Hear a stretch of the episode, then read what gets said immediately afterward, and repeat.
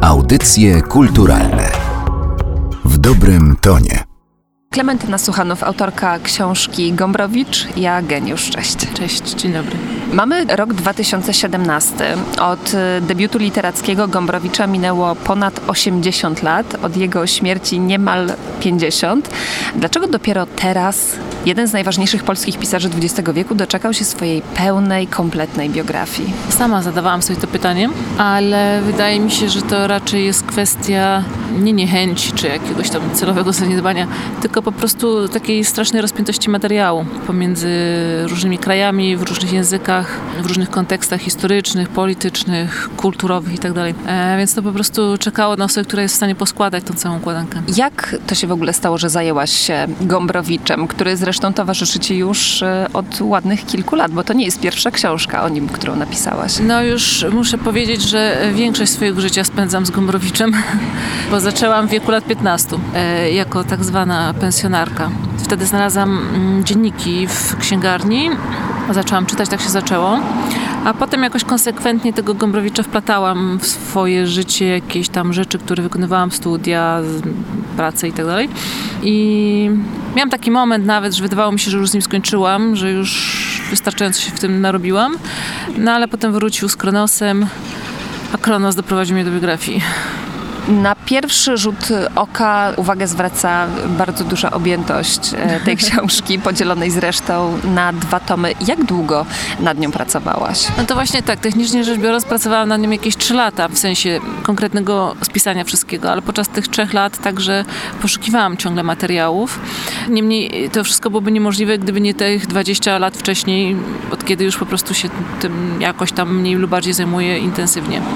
No więc to tak można powiedzieć, że tak, że trzy lata, no ale oczywiście z tym całym backgroundem, który wcześniejszą książką, doktoratem i tak dalej, i tak dalej. No, także nie, nie byłoby to możliwe od tak po prostu wyskoczyć i nagle napisać taką biografię. Jakie miałaś podejście? Jak sobie zorganizowałaś tę pracę? Jak usystematyzowałaś ten no, ogrom materiału? Ha. To już jest temat na długą rozmowę. Zasadniczo zaczynam od koncepcji, bo wszelka praca rozpoczęta tak na wariata yy, doprowadziłaby do tego, że musiałabym ciągle coś zmieniać, rekonfigurować i tak dalej. Więc uznałam najpierw, że muszę mieć koncepcję, co ja chcę, bardziej formalną niż koncepcję, nie wiem, jakąś tam inną.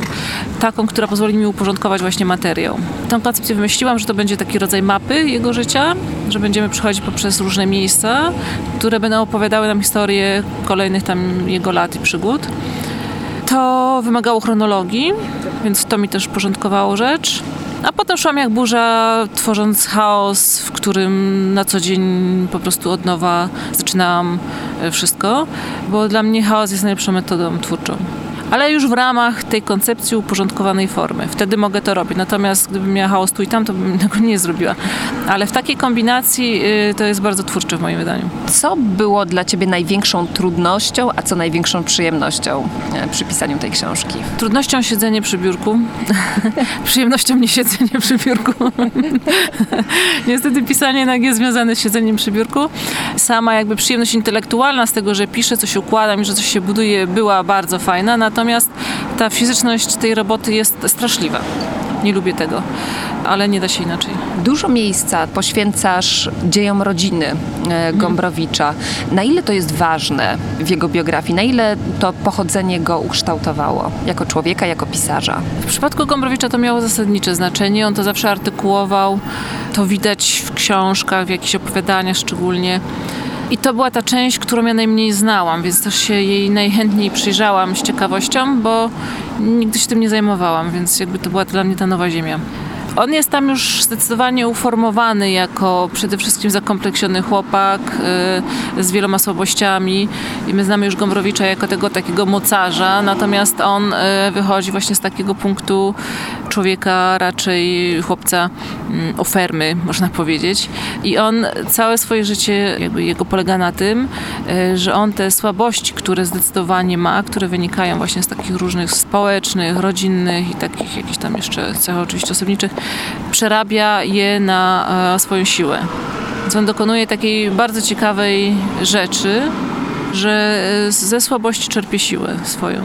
Wspomniałaś też o tych mapach, po których się poruszałaś, y, prowadząc nas przez nas, czytelników, przez biografię Gombrowicza.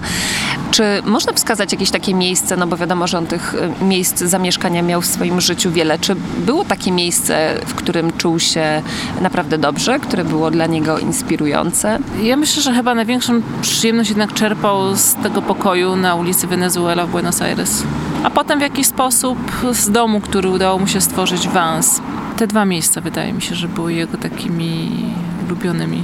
Gombrowicz krótko przed śmiercią powiedział, że jeżeli Europa będzie dalej wolna po jego śmierci, to y, on stanie się pisarzem y, numer jeden. A jak dzisiaj jest z recepcją Gombrowicza w Polsce? Gombrowicz stał się klasykiem, został przypruszony tym takim typowym kurzem, jakimś pyłem, który pozwala na przykład prawicy w tym momencie czynić z niego już tradycję, y, czyli Gombrowicz stał się konserwatywny poprzez czas, który upłynął i, i dystans, który nas mierzy od niego. Jest to bardzo nieuczciwa rzecz, i ja bardzo boleję nad tym, że cała edukacja e, taka polska, nie tylko związana z literaturą, jest oparta na tych przeciwstawnych wartościach, że z jednej strony tego Gombrowicza się zagarnia na tą prawą stronę, a z drugiej strony nic z jego myśli, ale niepowtarzanek, e, nie jakichś takich wyklepanych już formułek na jego temat, tylko z myśli, którą on wnosi, czyli człowiek, który ma podążać do wolności, człowiek, który musi rozbijać zastane formy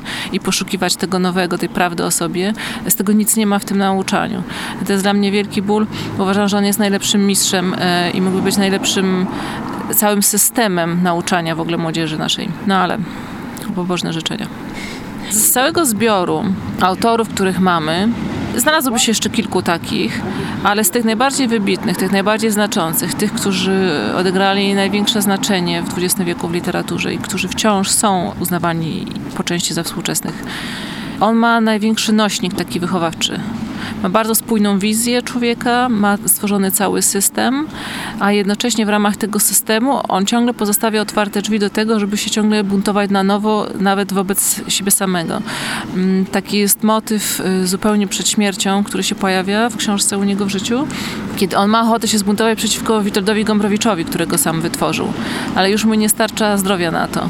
I to jest właśnie to, żeby się non-stop ze sobą konfrontować, zadawać sobie pytania i się w jakiś sposób resetować. Ostatnie pytanie. Czy udałoby Ci się syntetycznie podsumować, jaki obraz Gombrowicza wyłania się po lekturze książki Gombrowicz-Jageniusz? Wydaje mi się, że to jest portret skomplikowany, niejednoznaczny, tak jak go widziałam podczas pisania i tak czułam, że są momenty, kiedy coś, jeden fragment, jedno zdarzenie, czy jakaś tam okoliczność zaprzecza następnej i nawet podczas redakcji redaktor mi to wychwytywał i zapytywał, no ale to on tam mówił na serio, a tutaj żartuje, czy w ogóle jak jest? Ja mówię, no po prostu tak jest. Jest to życie, nie ma jednoznaczności w życiu ludzkim. Dziękuję Ci serdecznie. Klementyna Suchanow, autorka książki Gombrowicz, Jageniusz. Dziękuję. Audycje kulturalne w dobrym tonie.